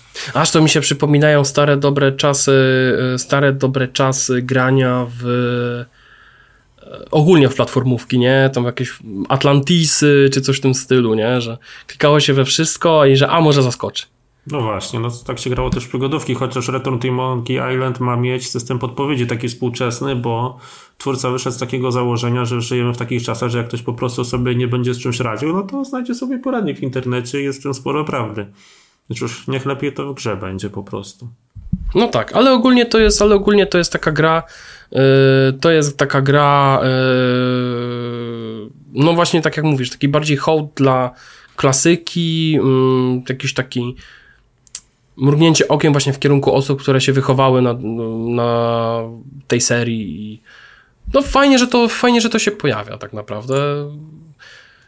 Jeżeli miałbym, chociaż, chociaż ja tak naprawdę w ogólnie w serię Monkey Island jakoś też jakoś nie grałem. Widziałem, widziałem, że kilka razy się pojawiała na, jako pełniaki tam na różnych e, płytach dołączonych do czasopism, ale nigdy jakoś nie miałem wielkiej przyjemności grania tak naprawdę w tą serię, więc co tutaj jeszcze jest? Serial Cleaners, 22 września. Ja się pewnie trochę narażę tym momencie, ale szczerze mówiąc... Ojej, ojej. Ojej. Nie, bo nie czekam tak bardzo, jakbym chciał na to czekać, z tego to powodu, że ta gra jest, ta gra bardzo różni się od pierwszej części, która mi się strasznie podobała. Okej, okay, no to w sumie reasonable, tak. Po pierwsze stylem graficznym, po drugie perspektywą. Już mniejsza o to, bo to akurat jest fajny pomysł, że tych czyszcza, czyszczaczy, tak, sprzątaczy, jest dużo więcej. Jest tam chyba czwórka i można chyba w koopie grać, z tego co pamiętam. Mhm ale no ja bym liczył na coś właśnie, żeby ta gra była bliższa temu, co pokazali, kurczę, 5 lat temu to było. 5 lat temu wyszła jedynka szmat czasu. Się wydaje, bo to było, nie wiem, no może dwa lata góra. No w każdym no dobra, razie... tak, tak idąc dalej, A bo... nie, przepraszam, powiedziałem głupotę. W Serial Cleaners będzie tylko tryb dla jednego gracza, nie ma żadnego koopa. A jednak, widzisz, ja myślałem, ale, że, że może jednak. Ale sprzątaczy jest czterech, więc pewnie będzie można po prostu sobie wybrać, którym tam chce się być. Co Dobra, to lecimy dalej. Tam było Grounded, ale ja w ogóle jestem Grounded, to ja mam takie wrażenie, że to Grounded to cały czas jest z nami jakoś w tej. Tak, bo ono teraz wychodzi, to znaczy teraz, 27 września z wczesnego dostępu. Tak, ono cały czas było i teraz dopiero wychodzi, więc właściwie trudno mówić tutaj o takiej dużej premiery, po prostu zaznaczenie, że no w tym momencie gra właśnie wychodzi z Early Accessu, więc ten. W październiku Overwatch 2 i tu też można powiedzieć podobnie tak naprawdę. Bo powiem tak, grałem w Overwatch tak, 2. Overwatcha już się nagrałeś na tyle, że mógłbyś jakiś, jakąś nawet recenzję pewnie napisać. Tak, znaczy ogólnie w Overwatch 2 y, tutaj jeszcze w międzyczasie będzie mała niespodzianka, nie bawem, ale nie mogę nic więcej powiedzieć na razie, ale y, no na temat Overwatch 2 to właściwie już można teraz napisać recenzję. Tak, potem mamy tak naprawdę Plektel, ale 18 października i tu Mateusz zrobił strasznie duży przeskok, ale ja tu widzę jeszcze dwie ciekawe gry, które wychodzą w tak zwanym międzyczasie, bo 6 października Medieval Dynasty, polski hit, wyjdzie na konsolę w końcu. I w końcu pewnie na gramie pojawi się recenzja, bo przy okazji PC-owego wydania mieliśmy tam różne rzeczy się działy. No właśnie, bo to też o tym kiedyś opowiadałeś chyba. Tak, bardziej prywatne u mnie i z recenzją się nie wyrobiłem, więc postanowiłem, że skoro wychodzi na konsolę, no to sprawdzę jak ta konsolowa wersja wypada, przejdę ją sobie i wtedy napiszę. I 13 października mamy The Last Oricru RPG akcji od Kocha, przepraszam, od Prime Matter, czyli Playona, czyli ja już się też trochę Czyli od Embracera, tak. To, to jest... I teraz lecimy jeszcze raz. Ej, Makarena od początku. Ale tak czy inaczej, tak czy inaczej, ogólnie rzecz ujmując, yy, no to tak, tak, tak jak rozmawialiśmy, nie? Tak jak zawsze, zawsze mamy ten segment, yy, jak to się mówi, dziękujemy, yy, że kochamy Pana Kocha, nie? Jak można powiedzieć. Kochamy Pana ale, Kocha. Ale wiesz co, ale z drugiej strony to tak jeszcze nawiązując do poprzedniego podcastu i do tego, co się działo na Gamescomie. Właśnie to mi się najbardziej podobało na Gamescomie i to chyba też o tym wspominałem, że większość gier, które powstawały, mm, które, które były do, mm, do, do, do zobaczenia właśnie na strefach e, PlayOn, THQ Nordic, ogólnie, tak, no, tej, tej całej Embracer Group, mhm. to były w większości gry, które miały bardzo prosty przekaz. Graliśmy dużo w bardzo fajne gry. Najlepszym przykładem jest Tempest Rising. Graliśmy bardzo dużo w, bo to jest schemat bardzo podobny. Graliśmy bardzo dużo w Command Conquer, jesteśmy wielkimi fanami tego typu strategii. E, chcemy stworzyć grę, która będzie właśnie czymś dobrym dla fanów właśnie tego typu strategii i też troszeczkę chcemy zachęcić tych dużych, żeby wreszcie, kurczę, taką strategię też zrobili. I wiesz, i tak patrząc na wiele tytułów, które powstawały, które można było zobaczyć właśnie na, na Gamescomie od nich, to większość ma bardziej ten schemat. Czyli troszeczkę wracamy do czasów, y, do czasów przeszłości, robimy gry, które tak naprawdę to jest trochę od fanów dla fanów. Y, I w ten sposób też chcemy wypełnić pewną niszę, pewną lukę, która powstała po zniknięciu pewnych dużych tytułów, typu na przykład Red Alert, nie wiem, na przykład seria Burnout, co można powiedzieć o Request. Bo właściwie można powiedzieć, że całe UI i tak dalej troszeczkę przypomina Burnouta, przynajmniej Paradise. I tak dalej, i tak dalej. Tych gier jest trochę i właśnie też tak z The Last Ori Crew jest chyba też podobnie, bo tak jak widać, y, tam było The Last Ori Crew, ale też, znaczy Dolmen może trochę mniej wcześniej, ale mhm. The Last Ori Crew jest takim trochę przykładem gry, która trochę wygląda jak taki e, okej, okay, w tym roku jeszcze wyszedł Alex, ale mm, ta gra ogólnie wygląda jak taki trochę mix Gotika z Alexem. Mam takie tak, wrażenie. No to właśnie coś takiego chyba ma być i pytanie na ile to będzie drewniane, a na ile to będzie takie... Na ile to będzie grywalne. No tak. Zależy właśnie z tymi drewnianymi grami, tak jak, nie wiem, ze Stellar Rising ostatnio, co recenzowałem, z Alexem, z Outward też od Kocha przecież. To jest właśnie mhm. to, że na ile jesteś w stanie przyknąć oko na te rzeczy, które tam nie działają, ale nie działają dlatego, że budżet był niski, tak?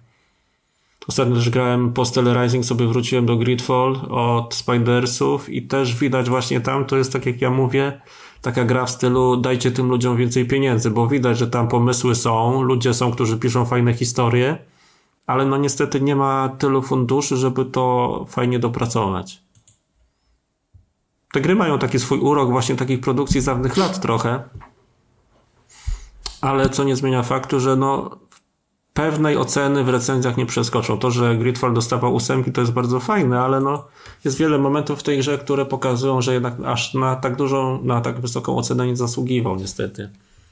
Ale to wiesz co, ale to też, to też nie jest nic w tym złego, bo ja zawsze będę mówił jedną rzecz. To, że gra dostaje szóstkę, nie oznacza, że jest zła.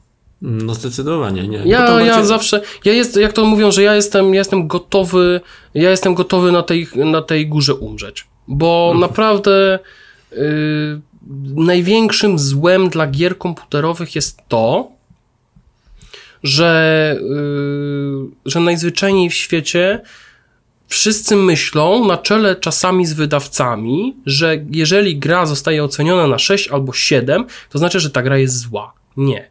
No nie jest. Nie oznacza to tego. To I oznacza, dlatego... że albo ma optymalizację kiepską, na przykład u Spidersów przecież te gry się tną, jak nie wiem, już nie chcę tutaj marki maszynek do golenia przywoływać, ale no coś takiego mi chodzi po głowie. Ale wiesz, to jest, to jest tak troszeczkę jak przykład y, Saints Row i też rozmawiałem o tym z Myszą po tym, jak napisał recenzję, ja sobie trochę pograłem, ty też trochę sobie pograłeś. Kurczę, no okej, okay, no ta gra ma swoje problemy i to nawet sporo tych problemów, ale przyznam się szczerze, że tak jak sobie postrzelałem, pojeździłem, to nawet mi się przyjemnie w to gra.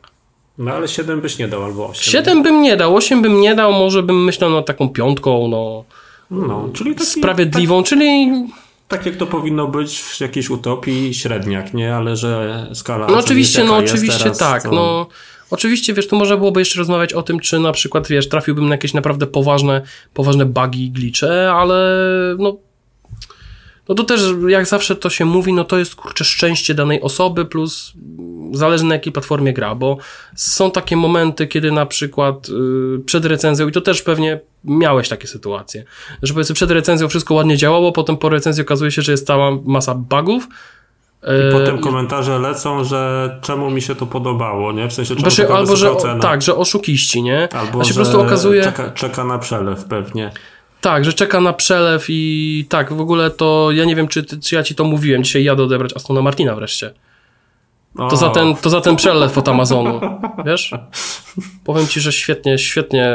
Nie mogłem się doczekać, wreszcie będę jechał do roboty jak, jak człowiek. król, a nie Solaris. A nie w metrze przez okno patrzeć tylko. No, przez metr, tak, w metrze patrzeć przez okno w ścianę. Nie, tak śmiechem, żartem, tak sobie jeszcze wracam do tego Steel Rising, w ogóle do gier Spidersów i myślę, że Właśnie te oceny wynikają przede wszystkim z tego, no jak masz Souls Like'a, którym jest Rising, no to po pierwsze walka ciągle z tymi samymi przeciwnikami, no to już jest od pewnego momentu nuda.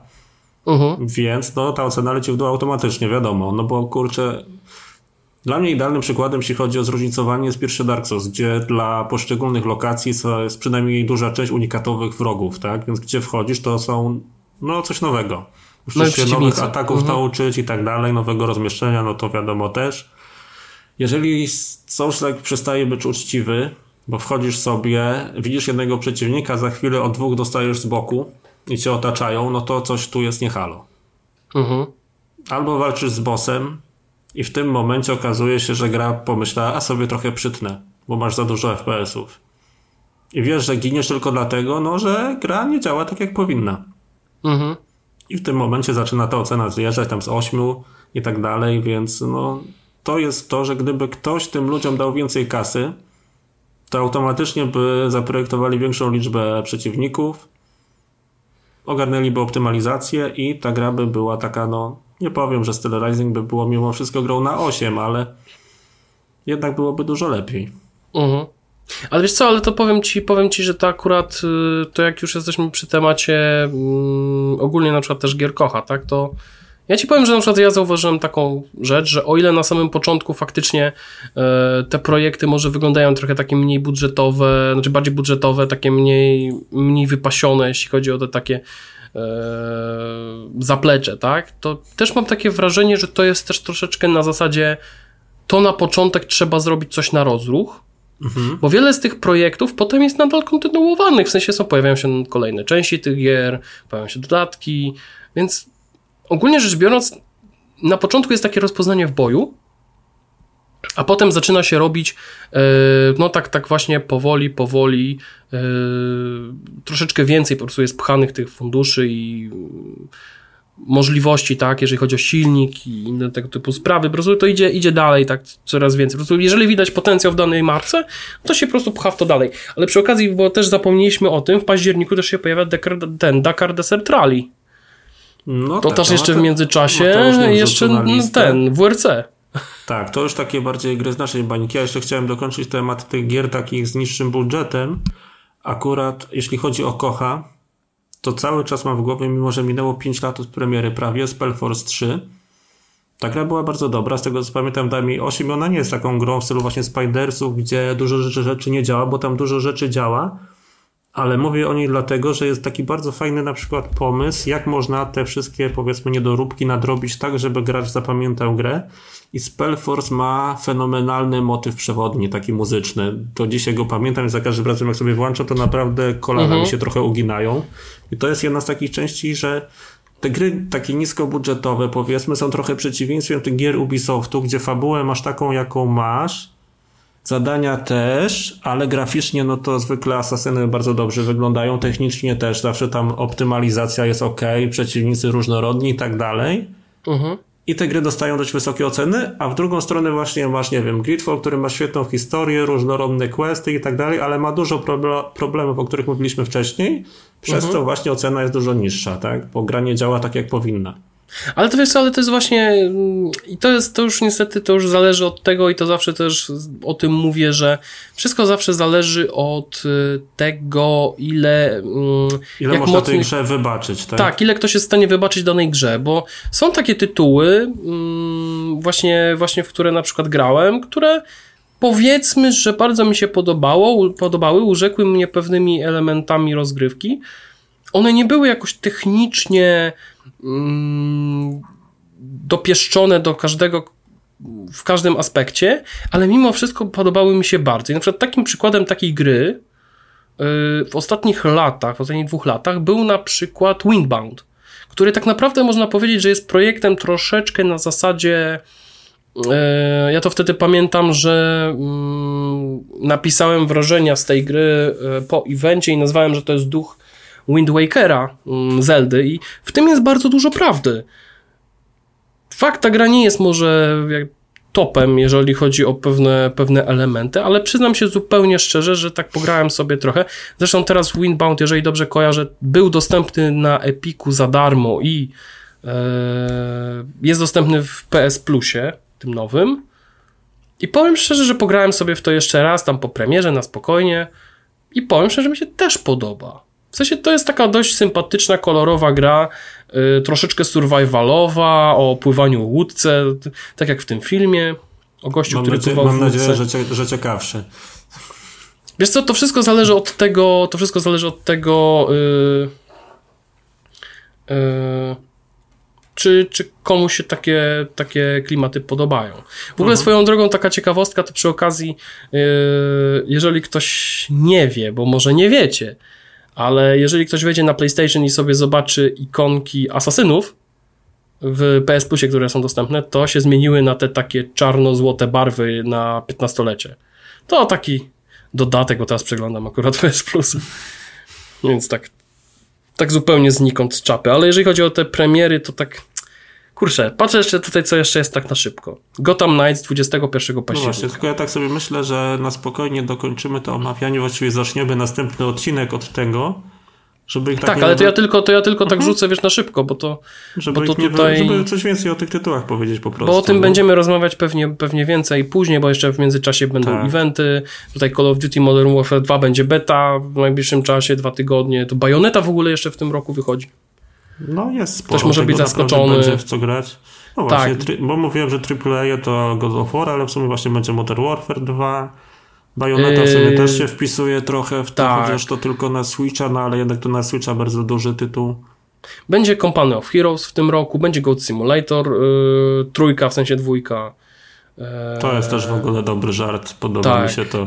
Y, będzie nowe The Dark Picture Anthology The Devil in Me, które, powiem zupełnie szczerze, gameplayowo bardzo mi się spodobało na prezentacji. E, I nawet byłbym skłonny w to zagrać, mimo że się boję horrorów. Bo jest troszeczkę przebudowana y, rozgrywka w stosunku do ostatnich trzech odsłon The Dark Picture Anthology, więc... grałeś w Dequary? Yy, nie grałem w Dequary. Ja w ogóle nie gram w horrory tego typu. Okej, okay, nie, bo chciałem zapytać, jak to Devil in Me ma się do Dequary, właśnie do poprzedniej gry tego studia. To musisz sobie sprawdzić, ale ogólnie to mam wrażenie, że mm, trochę chyba nie, inspiracji tam wzięli. Oni nie pałkują ciągle tego samego w pewnym sensie, bo no, Tak, ale, ale ogólnie podoba mi się jedna rzecz, podoba mi się to, że tam jest ogólnie zastosowany system e, ekwipunku e, że ogólnie masz troszeczkę inny gameplay, nie masz już takiego gameplayu na zasadzie... Że oglądam e... film po prostu, tak? Tak, oglądasz film, tylko po prostu grasz w grę, która też Mhm. jest filmem, a przy okazji po prostu masz ekwipunek, masz wszystko, po prostu chodzisz, wiesz, eksplorujesz.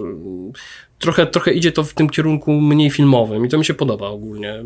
Ale to też może też być rozwiązane z tym, że po prostu mm, ta część y, antologii ma być po prostu taka, jaka ma być, czyli ma być bardziej taka zagadkowa, y, w kierunku właśnie przygodówki, niż, niż e, wcześniej jako właśnie interaktywny film. No i grudzień to jeszcze tutaj Callisto Protocol i Marvel Midnight Suns, bo się okazało, że jednak Midnight Suns wyjdzie w tym roku. A to jeszcze gdzieś listopad chyba uciekł. Listopad mi uciekł, a coś mówiłem o listopadzie? Nie. Nie, no powiedzieli- No mówiliśmy o listopadzie, no bo, bo o mówiliśmy o, o Ragnarok, Ragnaroku. Aha, że Company of Heroes, Go Simulator, tak, to sorry. Nie, bo ja się Mówiliśmy. zawiesiłem jeszcze, bo chciałem jeszcze jedną rzecz powiedzieć na koniec o a propos tego, ile można grze wybaczyć. I chodziłem tutaj z myślami, bo nie mogłem sobie przypomnieć, ale była jedna taka gra, której dałem bodajże 8, chociaż ona, gdyby popatrzeć właśnie na stan techniczny, to absolutnie na to nie zasługiwała. Mhm. Ale fa fabularnie tak mnie wywaliło z kapci w trzech czwartych, jaki tam był zwrot akcji, że no nie mogłem inaczej. I to było Kingdom Come, też kurczę, lata temu, tak naprawdę 5 lat temu. No, Kingdom Come to już też jakiś kawałek, kawałek to co- temu wyszedł. To, co tam się wydarzyło, naprawdę, jeśli ktoś nie grał, a lubi dobre historie, to polecam bardzo, bo no fabularnie to jest jedna z najlepszych gier, jakie grałem. Już chyba mówiłem to w którymś odcinku, że najciekawsze jest to, że tak naprawdę dwie gry z najlepszymi fabułami to jest właśnie Kingdom Come dla mnie i pierwsza Mafia.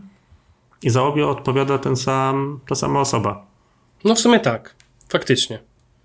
Teraz sobie z tego zdałem sprawę. Tak, Daniel Warwa z No. Czech. To Czech z Czech. Czech Czech z z Czech. Tak. Tak. Jak ten, jak Petr z Czech z Czech. Tak. Ale to jeszcze jak już jesteśmy tam na przykład polecamy jakieś gry tam przy okazji, to ja w zasadzie mogę polecić z PS Plusa jest dostępny Chronos Before the Ashes. To jest fajna gierka. E, Ona wcześniej A, była... Tak, ja recenzję pisałem. Pamiętam, to też jedna z tych gier właśnie takich z niskim budżetem, ale świetnym pomysłem. Tak, to jest ogólnie, ona wcześniej była jako y, gra, do, gra na VR. Ogólnie można powiedzieć, że to jest prequel do y, Remnanta. Tak. Eee. To jest taki jakby Souls-like, można śmiało powiedzieć, z tego co kojarzę. To jest ogólnie Souls-like trochę połączony z motywem, który był w Shifu. Właściwie. Mhm. Że Bo to jest, to, jest taka, to jest taka gra, która właśnie. Im Ja mam wrażenie, że. giniesz, tym się bardziej starzejesz i Tak, ogólnie, ogólnie to jest taka gra na zasadzie. E, wszyscy się jarali Shifu, a zapomnieli o Kronosie. Co, co też No, byłem w szoku, bo myślałem, że ludzie grali w Kronosa. kampanię Ale nie grali. tak mi się wydaje i to głównie chyba z tego wynika po prostu. Znaczy ja mam wrażenie, wiesz co, ja mam takie wrażenie, że Kronos yy, nie był tak mocno reklamowany, bo miałem wrażenie, że studio yy, przyjęło założenie, że jeżeli ludzie grali w Remnanta i Remnant był bardzo popularny, znaczy stał się nagle bardzo popularny, dzięki rozdawnictwu internetowemu na Epiku, Za to- darmo zawsze dobra cena, wiadomo. Tak, to że Chronos też zrobi jakiś wielki szał. Okazuje się, że o Chronosie bardzo mało osób w ogóle mówiło, co też uważam, że jest trochę skrzywdzące, ale Chronos jest naprawdę spoko grą.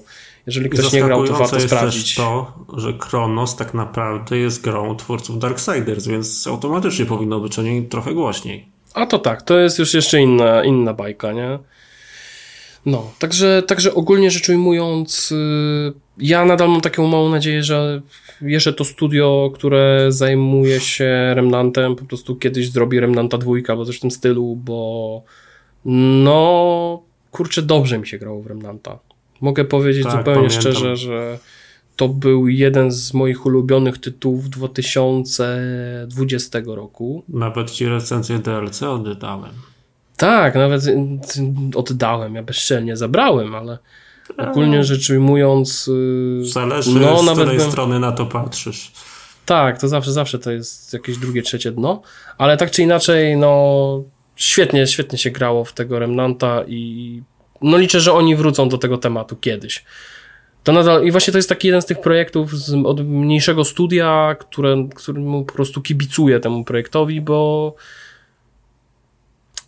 jeżeli chodzi o to połączenie w grach takich typu Souls-like, gdzie jeszcze masz możliwość grania, bo to jest taki Souls-like w połączeniu z roguelike'iem, w połączeniu z kooperacyjnym strzelaniem do ten, to jest tak naprawdę Remnant zrobił lepiej to, co potem próbowało zrobić Outriders. I wyszło to średnio. Yy, I dlatego też po prostu taki mam sentyment do Remnanta. I chyba gdyby nie ten Remnant, to może by mi się też tak słabo grało w Outriders, bo, bo tak pewnie mniej bym mu wybaczył w tym klimacie i w tym stylu, który tamten. Bo widać, inspiracje widać było na tam gołym okiem, tak naprawdę w wielu aspektach. No, także. Czy coś jeszcze mamy do dodania dzisiaj? Oprócz tego, Nie, że Robert Lewandowski zawsze drugi, to już, już mówiliśmy i Tak. Tak, że w nowej FIFA Lewandowski. I, i tym razem drugim nie, miejscu. I, I tym razem nie chodzi o tą gówniarę z paletką, tylko A tak w ogóle to ciekawostka. Ostatnio, tak już jak już rozmawiamy o tematy sportowe, Iga Świątek zrobiła sobie zdjęcie z pasem WWE. Mamy nową mistrzynię na. Nie, żartuję. To jest bardzo hermetyczne. Znaczy zdjęcie było, ale no nic więcej. No, ale jakby tak wyszła, kurczę, wiesz, no słuchaj, a wiesz, co- wiesz co jest najlepsze? I to już jest, to jest bardzo hermetyczne i tym, na, na tym punkcie skończymy, jak ja to skończę, że dzisiaj na Raw e, był Open Challenge e, mistrzyni e, Raw Bianki Belair ja bym się nie zdziwił, jak wyszła Iga Świątek i jej nawaliła i potem poszła, wzięła pas i wyszła. Ale nie, no żartuję tutaj. To, Taka, ja się, to ja się tylko pożegnam w takim razie. Dobra, to wrestlingowy podcast kiedyś też będzie. Dobra, to tak czy inaczej e, kończymy, żegnamy się i do usłyszenia. Do następnego, trzymajcie się, cześć.